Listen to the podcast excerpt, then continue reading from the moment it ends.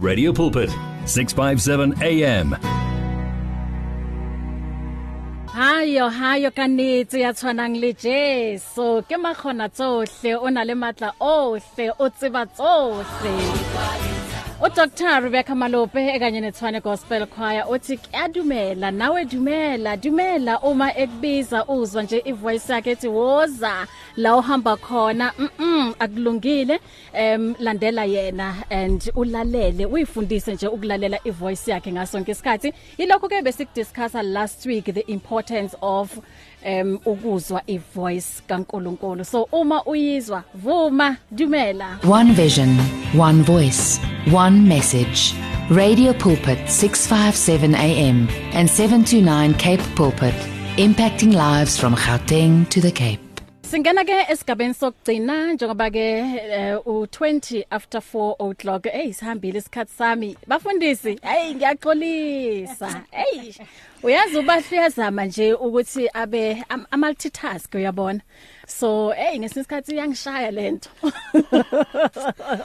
uyabona ukusebenza wedwa ngesinye isikhathi akukho mnandi kudingeka mari producer yami ikhona la kumele ifike early my producer wena ke ngobe bowusaso busy nomama before angazi ukuthi uthini kodwa sila sithandwa sezulu Yes. okubalulekile nje That's the lokho thing. Yes.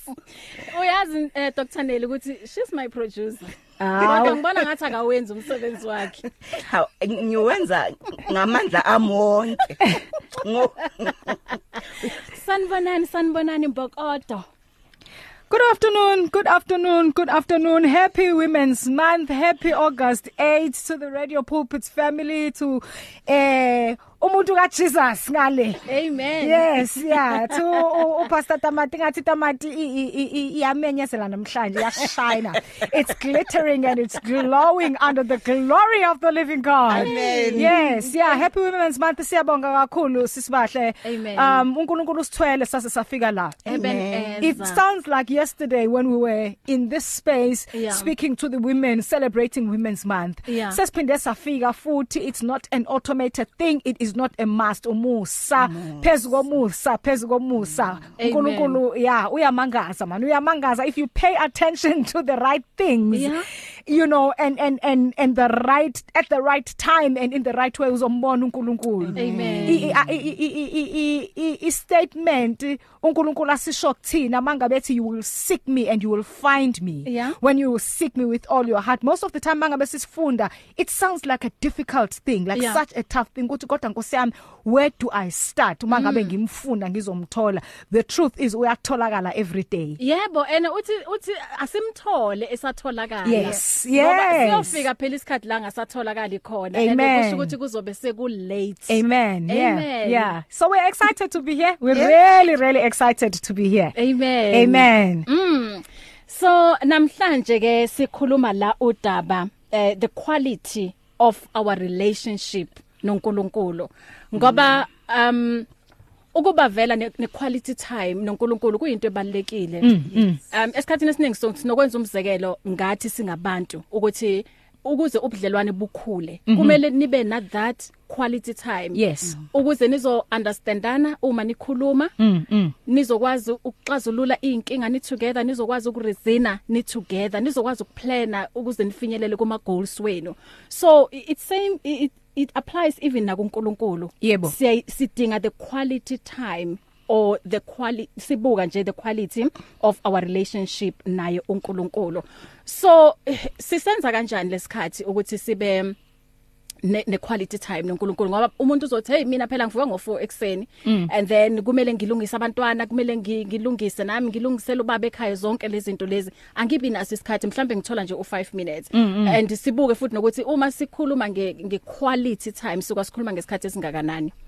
Um yes, suka sikhuluma ngesikhathi esingana sikhuluma ngaso sonke isikhathi. Quality time is all your time. Yeah. But maybe before we continue with uh, looking at equality Yeah. uh, of uh, our relationship with uNkulunkulu. Let's take a step back kancane. Sibuyele last week kule ndaba yokulizwa ilizwi lakhe. yeah Um you know as I was reflecting on uh, what we heard last week about ukuzwa ilizwi likaNkuluNkulu hearing Jesus hearing God speak to you i'm realizing ukuthi yazi eh ukukhuluma it speaks to the integrity and to the quality of the relationship umuntu okhulumisana naye umuntu ozwana naye. Umuntu oke wambona ngamehlo ningakaze nikhulume. I relationship yenu eh noma ngabe nike nabonana but mangabe ningakaze nikhulume khona la ingakafinyeleli khona. Eh and then asize ke endabeni yendlela esikhulumisana ngayo. Umuntu okhuluma naye kahle umuntu one relationship enhle naye. One of the ways in which we show ukuthi we are not happy uh, in a relationship or we are not happy with umuntu in the interaction is how is how we speak to one another. Mm. the moment we get to the point where we are absolutely fed up with people what do we do? We stop speaking to them. Mm, we cut them off. Them we, yes we excommunicate them we cut them off. Mm. the moment we want to get rid of abantu in our lives what do we do? Mm. we stop the communication. Wow. one of the frustrating things in the human interactions ilele kwi communication Yeah. not only i communication yokhuluma ngezwi sesi extenda ke manje even into i communication of all other means esiwenzayo of communicating mm. I was listening to a couple of students be frustrated indaba ukuthi they can't reach a, reach a particular institution because bafuna ama certificates wabo graduate mm. you know eh sithumela ama email umuntu mangabe ngakubuyiseli email yakhe engakuphenduli aka communicate nawe mm. so so eh eh, eh i- indaba yokuzwa uNkulunkulu ekhuluma iqhamuka lapho and it speaks to the quality of our relationship. Mm. so that is where it starts. It starts with the fact that we should be able to connect and to communicate with uNkulunkulu. Uthini ke sisibahle? Uthi how do i do it? Because njengomama kukhona izingane kukhona umsebenzi kukhona inkonzo. Yes ngiyavumelana nako lokho. I was looking at my life and ngihleka nje indaba ukuthi yazi by half past 7 ekseni sengikhathele. Yeah. Because ngihlala abantwana abawu3 lapha endlini. Ekseni kunezinto ezingeke zizenzeke until i say so. Yimina ngithi vukani yimina ngithi ngena bathroom phuma phela.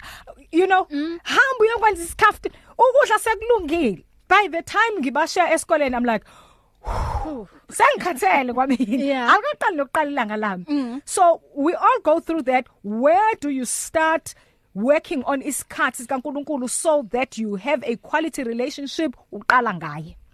Uqala ngaye.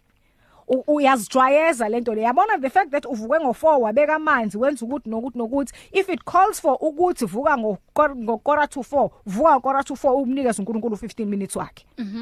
Exclusively. Mm-hmm. so as we look into a good quality eh, eh noNkulunkulu first and foremost have time that is exclusively for him. Amen. Impela yakhe iqhamuka lapho mfowethu. So mangabe uNkulunkulu ngempela senza isikhathi naye ase it's not that siyam accommodate nje. Yeah. no mm. asim accommodate but we go to the source of our lives because there is no life in you without God. Amen. ayikho le. Yabona le ozitshela ukuthi uyayiphila wena le busy kangaka. Ingena uNkulunkulu akuyona. Amen. it is not the real deal. And I think it is high time that we become bold and tell the world ukuthi uyazi ukuthini?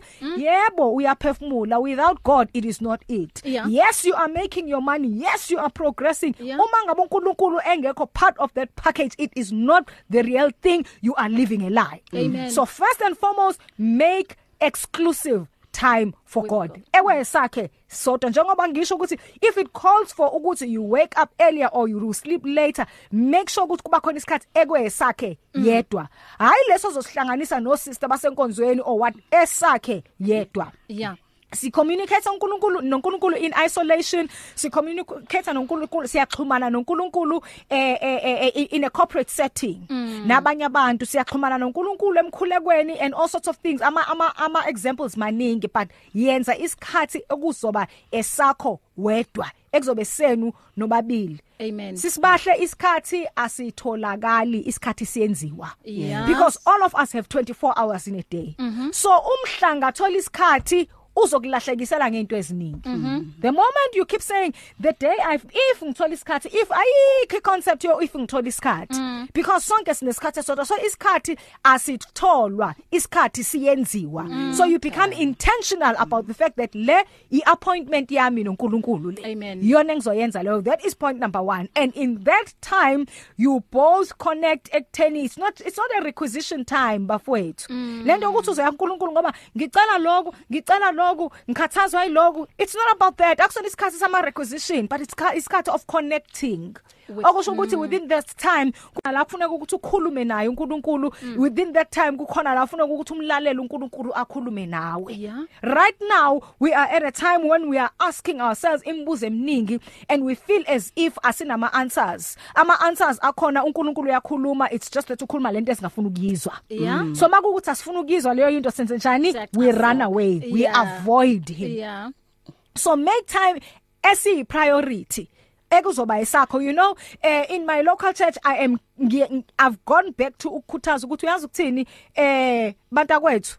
Kukhona izinto engezi engezu enge- engezukwenzeka e- e- e- e dining room yakho.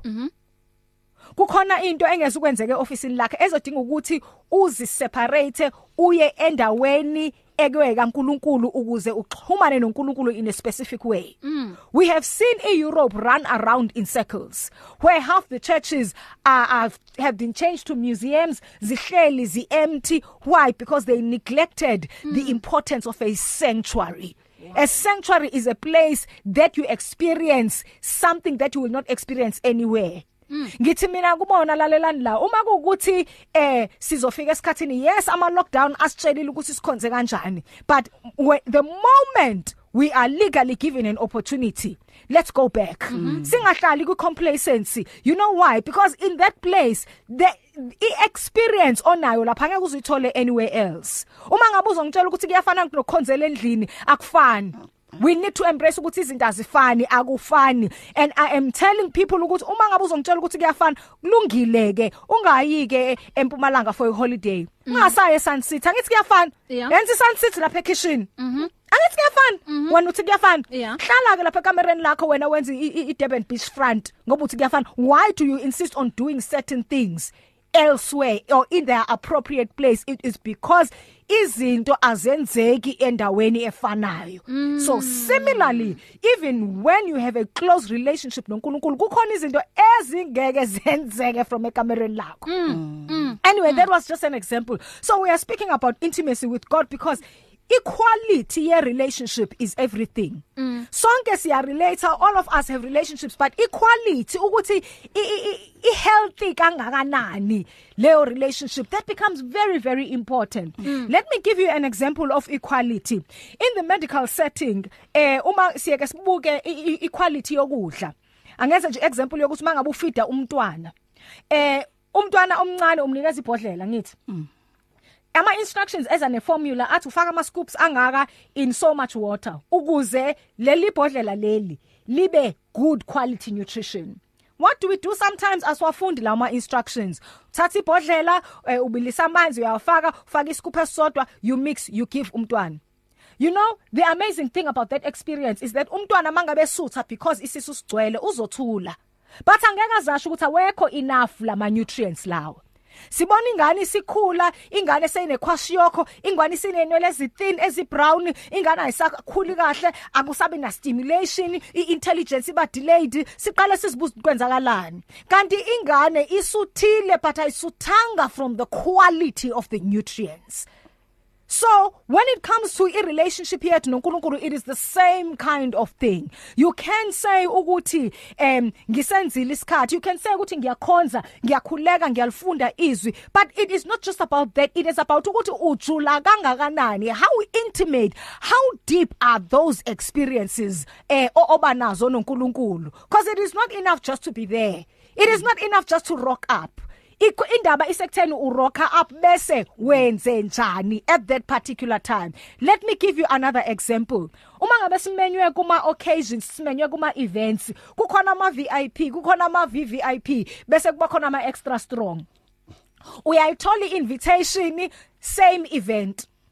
Kodwa equality of i-outcome yakho from that event iya ngokuthi uhleliphi. Yeah masifika kuma events these days sifika sekukhona iboard lapha eminyango elichaza ukuthi ubani ohleli ku table 1 ubani ohleli ku table 2 siswenkile sobabili sithungisile sobabili sisibahle sishiya konke hey nkosiyami sishiya konke. Sishiya konke sobabili sakhiya amakhaya sangena emotweni sagqoka kahle sathi siya kwi-event. Kodwa umuntu ohleli ku table 1 next to the guests akafani nomuntu ohleli ku table 35 le egcineni. Kukhona ama experiences angakazabe nawo based on what the proximity how close you are. So impilo yethu yokukholwa is not just about ukumvuma uNkulunkulu it is Yeah. not about ukusindiswa but it is about ukuthi how close do you want to get to him because ukuthi usondele kangakanani it speaks to the quality of the relationship listen to what David says Psalm chapter 63 111 uh, uh, uh, he's in the wilderness of Judah there. He says, Oh God, you are my God. I earnestly seek you. He says, My soul thirsts for you. My flesh faints for you, as in a dry and weary land where there is no water. So I have looked upon you in the sanctuary, beholding your power and your glory, because your steadfast li- love is better than life. My lips will praise you. Amen. He doesn't just say, I like you. Yeah. He doesn't just say, I appreciate you. Mm. He doesn't just say, I appreciate you. Uthi, I long for you. I am thirsty for mm. you. So we need to take ourselves beyond just the indaba yokumvuma nje uNkulunkulu and get ourselves to the point where we get close to him. Yeah. Where we get close to him. You know, and and we make that mistake kakhulu kaningi even in our own households. And I make an example ukuthi you know si si si sihlala endlini eyodwa we share shelter we share meals we share i budget but uthola ukuthi asina connection. Mm, it is mm, about the connection. mm, it is not just about being in the pre- same place but it is about connection where you know for sure ukuthi kunokuxhumana Yeah. okhona la. Yeah. uma ngabe sibheka ama couples ashadile for instance they do the same thing. Like njengoba ka- kadusha ukuthi eh they are encouraged ukuthi make time for one another. Yeah. abantu bayashada baphakamisa ama ring em- ama ama thousands kube mnandi kube njaya but kungabe na connection ekhaya. Bahlala endlini enkulu kube kuhle but kungabi na connection. The issue is the connection. It's not even just about being in the same place but it is about ukuthi niyaxhumana. Now what is the quality? How close do you get at that time? Amen. sure wow isikhathi uyasenza. Yebo. Ngoba njoba usho ukuthi sonke si- sinikezwe isikhathi esifanayo kodwa wena kumele u u- create isikhathi lapho uthi manje la isikhathi sami noNkulunkulu angifuni any disturbance angifuni nje ukuthi kube khona into ezoba yi distraction yes imina noNkulunkulu siyaxoxa manje Yes. sine quality time Yes. ngoba uma ung- ungeke usenze isikhathi vela u- ilanga lizoshona Yebo. ungazi ukuthi sishone ephi isikhathi sakho so wena uyasenza isikhathi uyasenza you ukuthi ube become naso. intentional about it Yeah. uyasenza asizusifikela Aha. uyasenza Mm. Em mfundisi Tebogo. Yes. Mm. Ngempela eh o Dr Nel uqinisile you have to be intentional and make it a habit Yeah. to dwell with the Lord and to be intimate with him. Mm. And when you make it a daily uh, habit to spend time with the Lord mm. uh, exchange yenzeka that's where the great exchange takes place uthatha loku okuwe okungekho right because yena he is a perfect god he's an awesome god he's mm. a good god everything he's a m- benevolent konke okuhle kukuye mm -hmm. so thina la emhlabeni on this side of heaven zikhona izinto ezingasiphathi kahle. Like you saying bowenza example umfundisi ukuthi ngo7 masoqeda ukuba drop esikolweni already you are tired. Mm. -hmm. but when you make it um, a, a, a priority ukuthi early in the morning mm -hmm. you spend time with him he gives you the strength. Yes yes. Mm. to carry on ilanga lonke. Eh uzizwe nje ukuthi noma so drive uzizwe ukuthi cha ngikhathele. But you you will speak the word and say the joy of the lord is, It's my strength, yes. Uyayibona? So it, it it has to be i priority empilweni zethu. No matter come what may uzitshele nje wena ukuthi if it means ukuthi i have to go to bed early yeah. Ngo 7 so that ngizovuka ngo 5 and then make time with God before ngiyenza ama izinto kumele ngizenze my daily uh, duties. Then do it. And uNkulunkulu um understands us you know. He knows our frame. He knows we are dust and we Yeah. know he knows ukuthi sinazo izinto ekumele sizenze la emhlabeni and he he encourages in fact he instructs us to do that. He wants us to live a purposeful life angithi mfundisi. Yebo. so eh kodwa kumele simbonise ukuthi yena u- uye i number 1 priority. I love it because you've already um quoted uDavid mfundisi Yes. ku Psalm 63 uDavid futhi the, he was the example mina kimi umuntu ebeye nalobo budlelwane Yes. noNkulunkulu. Even na ku Psalm 27 4 Yebo. uthi asibheke lapha ku ku Psalm 27 4 amen. Uthi one thing have I asked of the Lord. I mean, my translation at I have I desired. So Yeah. it's a desire. And that will I seek after. Yeah. That I may dwell in the house of the Lord. Angivakashi. Yebo. Ngenzani? Ngiyadwela. Yes. All the days of my life and gaze upon the beauty of the Lord and inquire in his temple yeah and gaze upon the beauty of should mawuhleli kunala that oneness noNkulunkulu when you gaze upon his beauty that's when ama attributes akhe ubuhle bakhe butheleleka kuwe kuwe. Mm amen. Amen. Ko- amen. all his attributes his goodness his his benevolence konke okuhle kutheleka kuye fana noma mangisanda sami singcolile mf- mfundisi ngithanda ukusho mangibeka entweni white mm. Isandla sami ngeke sibe white. Yes. Yiyo lento e-white ezongcola. Ezongcola, Thatha. yes. kukanjalo Yeah. uNkulunkulu. Whatever be it our concerns be it uh, our anxiety konke all our cares e- eimpilweni zethu. When we spend time with the Lord sikunikeza kuyena and then yena uyakuthatha and give us his beauty so that we can be able to gaze mm, upon mm, the beauty mm, of the Lord like who Psalm David mm, mm, I mean u, u, u, u David in the book of Psalms says Yes, yes. I love I love i- i- history ka David because um you know earlier earlier on in the Bible we we see eh iBhayibheli limchaza uDavid as a man after God's own heart. yes So we hear about David being a man after God's own heart. Kodwa in the book of Psalms we literally see him siyambona emfuna lo nkulunkulu you know. If there's one thing about i-character kaDavid is that wayengena umuntu okhonza nje.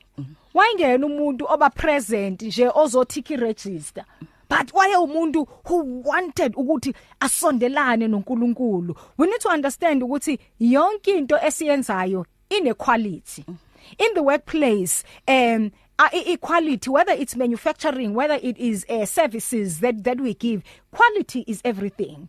They don't just get satisfied about the fact that ufikile emsebenzini wakwenza lokho kwenzayo beyond that we look at ini we look at equality yomsebenzi owenzayo. And ziningi izinto that determine equality izinto that show ukuthi this is a priority ukuthi uyayi prioritize lento spend i-attention that you pay that you give to that particular thing is going to speak to equality of that thing. And similarly with uNkulunkulu iattention esimnikeza yona iattention indlela esilalela ngayo iyona ezositshela ngayo leyonto ukuthi ithini equality ye relationship yethu ngaleso sikhathi. I like to make this funny example. Umyeni wami used to love Kaizer Chiefs. Eh why like ibhola nje ma- mase phambi kwe TV ebheka ibhola. Um you know initially ngisase umakoto omncane nganginale feeling yokuthi uyangineglect. Kwahamba kwahamba ngayibona ukuthi hayi mani ngangisebenzela lento le. So uma ngabe enganginakile ngaleso sikhathi ngisebenzise leso sikhathi ukuyocela lento ekade ngiyifuna.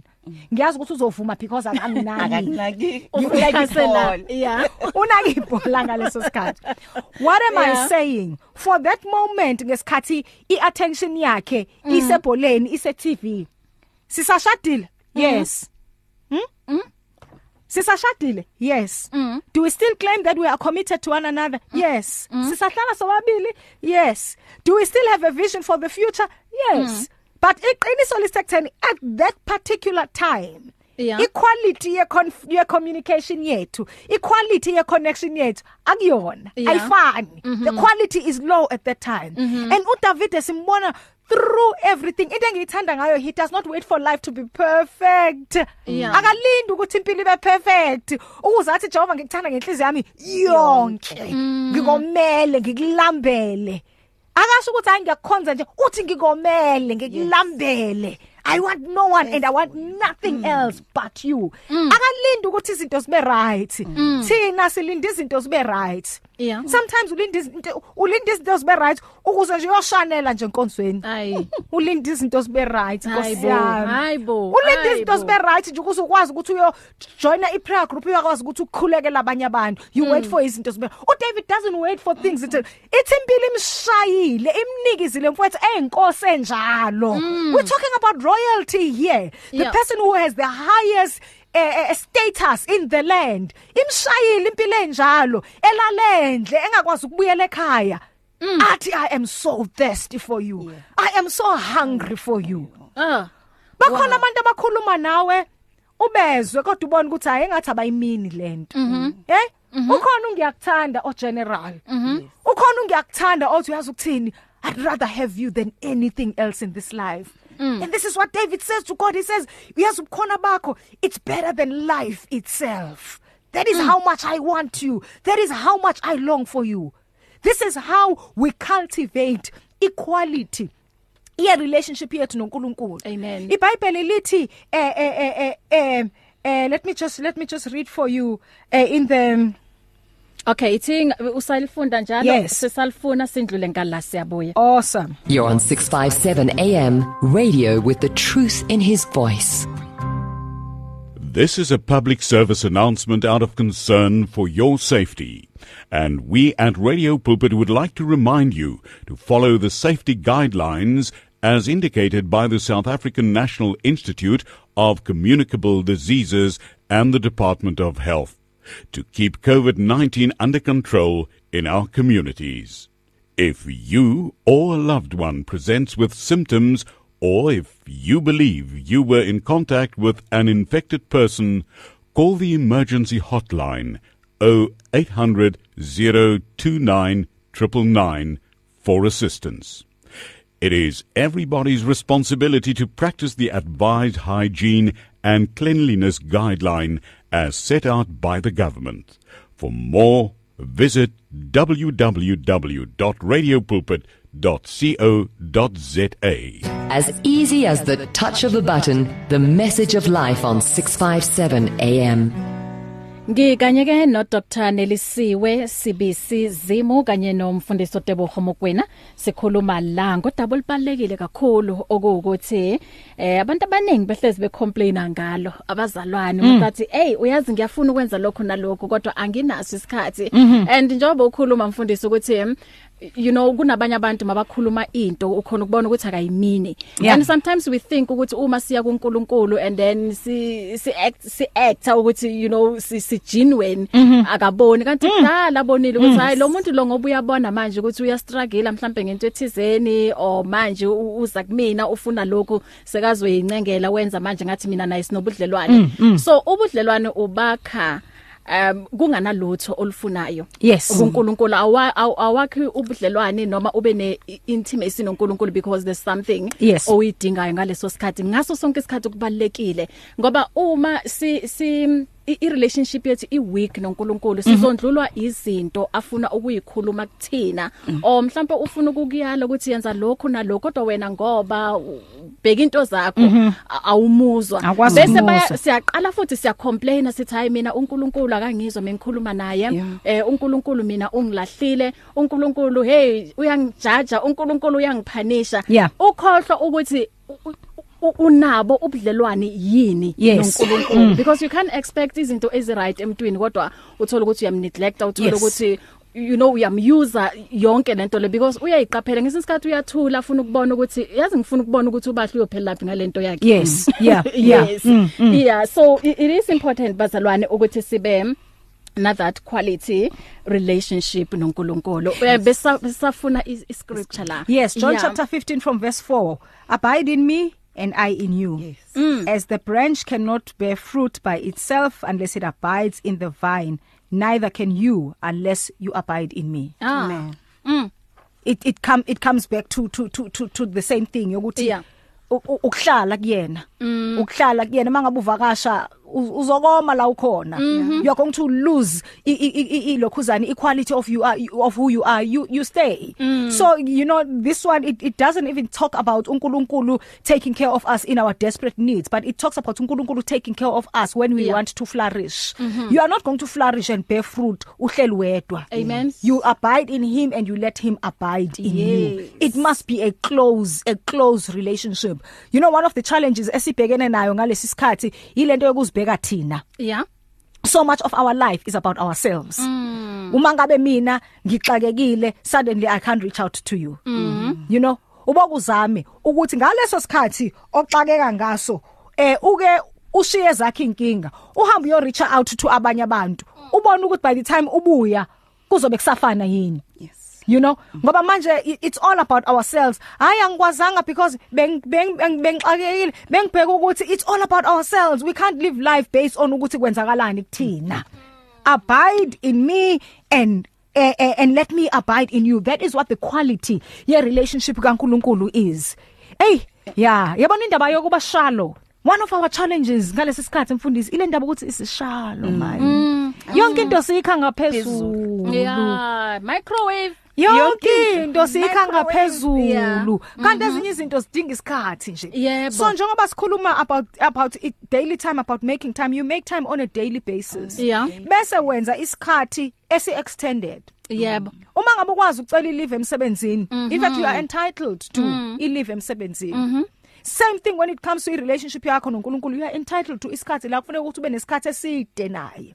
Make i-appointment otherwise izinto zizokuthatha by surprise. Yazi ukuthi indaba yokwenza isikhathi for izinto is so amazing. I learned it mfundisi in my grief journey. Ukuthi uyazi ukuthini? Even when i was okay i'm still grieving. Grief is is a lifelong thing. But in the early days of my grief journey i i i, I learned ukuthi kubalekile ukuthi ngeze isikhathi se grief before ngiphumele ngaphandle. Because otherwise uthola ukuthi uyahamba lapha e, elokhuzeni mhlambe mall uvela ubona i-couple eh, ethizeni so uyakhala so uyakhumbula ukuthi uyabona owama ke O- o- o- uvela uvela ubone mhlambe into e- e- ezokukhumbuza yena so you you breaking down or perfume icishe inyuke Exactly. And one of Mm. the counselors taught me ukuthi you know what you do you must make a grief appointment. Yeah. So ekseni before uqala ilanga look into your life and say okay this is where I am at. This is what has happened to me. Kubhlungu hayi namhlanje ngizwe ngathi nginamandla. Hey Nkosi ngicela ukuthi ungisize lana. Baba what are you teaching me? Mm. By the time uphuma ngaphandle you are in control. So ayikho into ezokuthatha ngesurprise, ayikho Yeah. into ezok e- e- e- ezokushaka. Yeah. ngenxa yani ngenxa yokuthi you made you actively made isikhathi you know i've spoken about making isikhathi every day i've spoken about planning extended time Yeah. the next one is to understand ukuthi throughout your day uNkulunkulu niyakhulumisana niyaconnecta naye iblessing mina engiyitholile ngesikhathi secovid nesikhathi sama mask yile ndaba ukuthi ngiphusha umkhuleko phansi kwemask ngoba ayikho ngibonayo. Hey. Yes. Akekho uzothi hawu usekhuluma yedwa seke sangana yini udokotela udokotela usexako yini hey ngiphusha umkhula ngiphushiswe baba phansi Yeah. and that thing has empowered me. Wow. can you imagine? I- wherever i'm not interacting with people Yeah. ngiphushizwe phansi kwemask i love that ngiyayithatha le. Ngiyayithatha le. I really really love I found it so empowering. Yeah. you know? Does. mm, because manje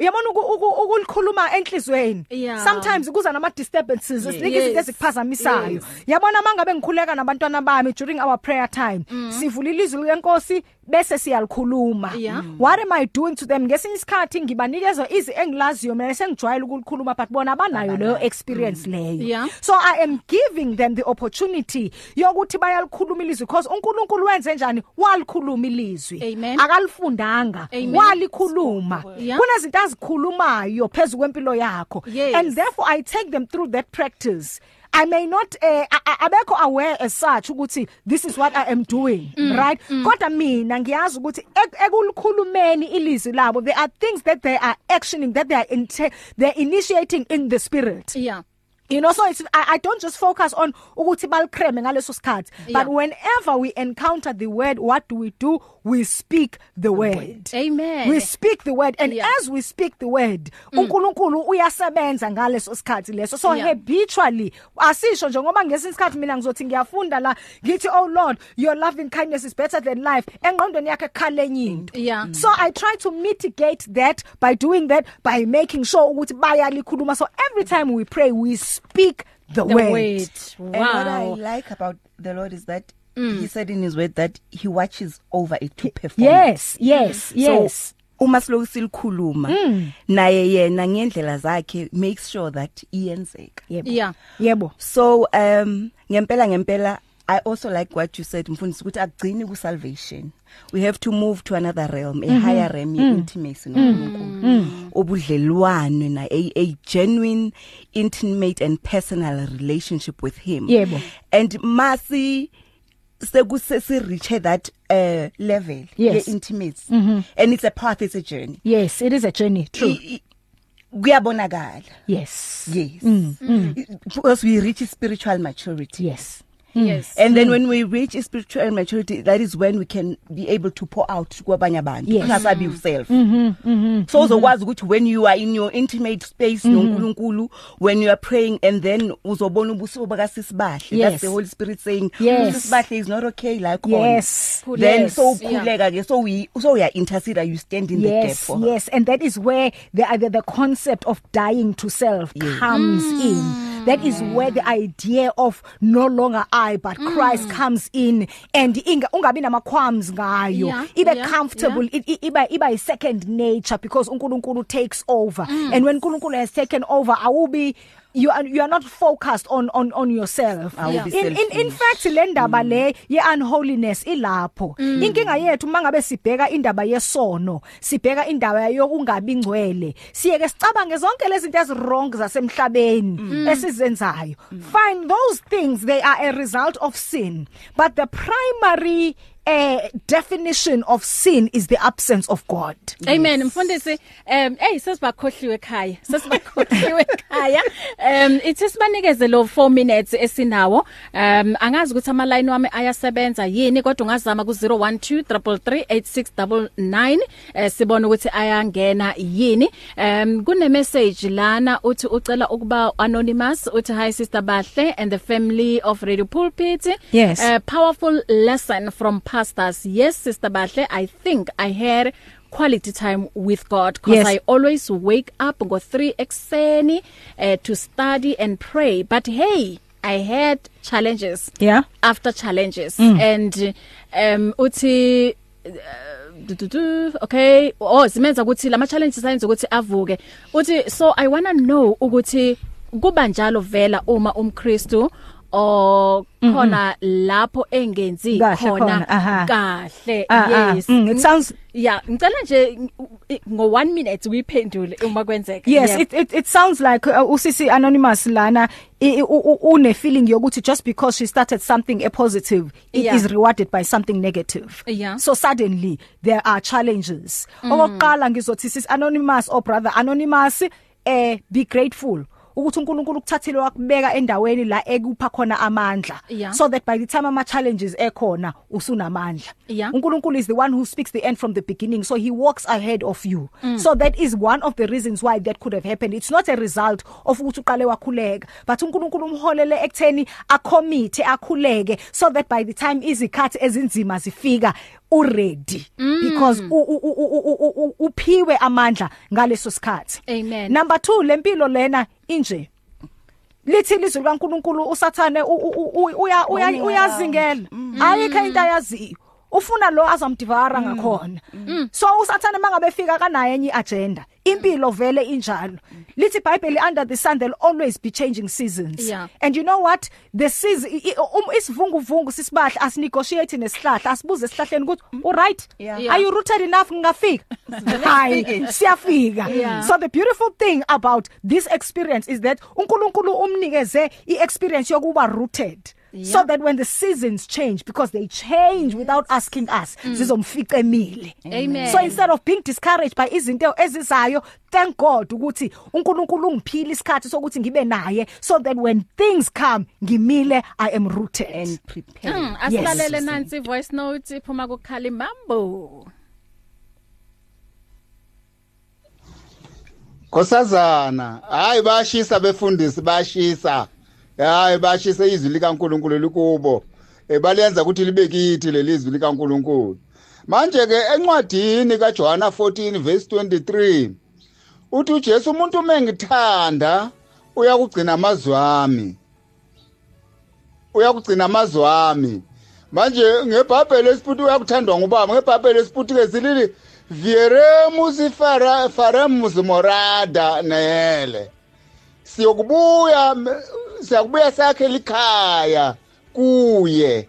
Manje ke le ndaba leyi noma thina siye enkonzweni noma siba ngabefundisi le ndaba yokuthi uJesu ah sigcina amazwi akhe ukuthi uJesu afika ahlale emizimbeni yethu ayibikho le ndaba yokuthi uJesu Kristu akhe likhaya ezimpilweni zethu ayibi khona noma singaba bishop sigcoka amasudu adurile uma ungayenkonzweni ukuthi manje sewukanjena eh uyobona izimangaliso abantu bayagcoka nkosazana kodwa uJesu angekho Ba- baze ba- baze baconywe lapha kanti hey igebengu lezi Hey, kanti igebengu mfundisi. Hey, isikhathi sami isikhathi sona nje esingasavumi. Hey, hey khalimambo Khalimambo. siyaxolisa. Hayi. Em bafundisi bami sicela uh, nitholakala kuphi uma ningekho la emoyeni?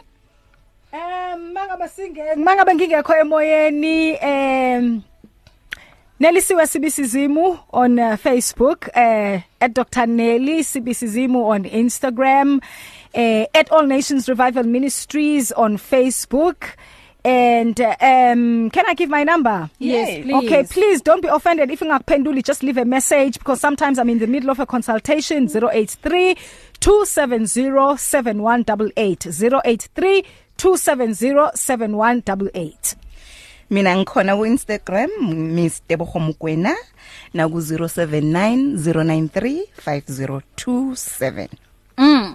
Asiphinde futhi sibe ndawonye nasevikini elizayo. Siyabonga kakhulu bafundisi. God bless you. God bless you. Amen amen U- Uyeza ke umfundisi Ray Lehodi uzoqhubeka nawe njengoba lishayeleke lesihlanu ihora until 7 mina nawe sisonke ekseni 4 am until 5 asibeni ndawonye lapho eh sibe ne quality time noNkulunkulu sithi secret sithi praise him kanye ne secret of worship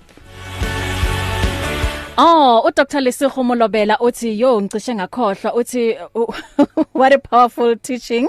Uthi siyabonga kakhulu bafundisi bami. Siyabonga nakwena Dr Lesigo Molobela. If you need prayer, please send your request to prayer at radiopulpit.co.za or WhatsApp 067 429 7564 or go to Radio Pulpit website on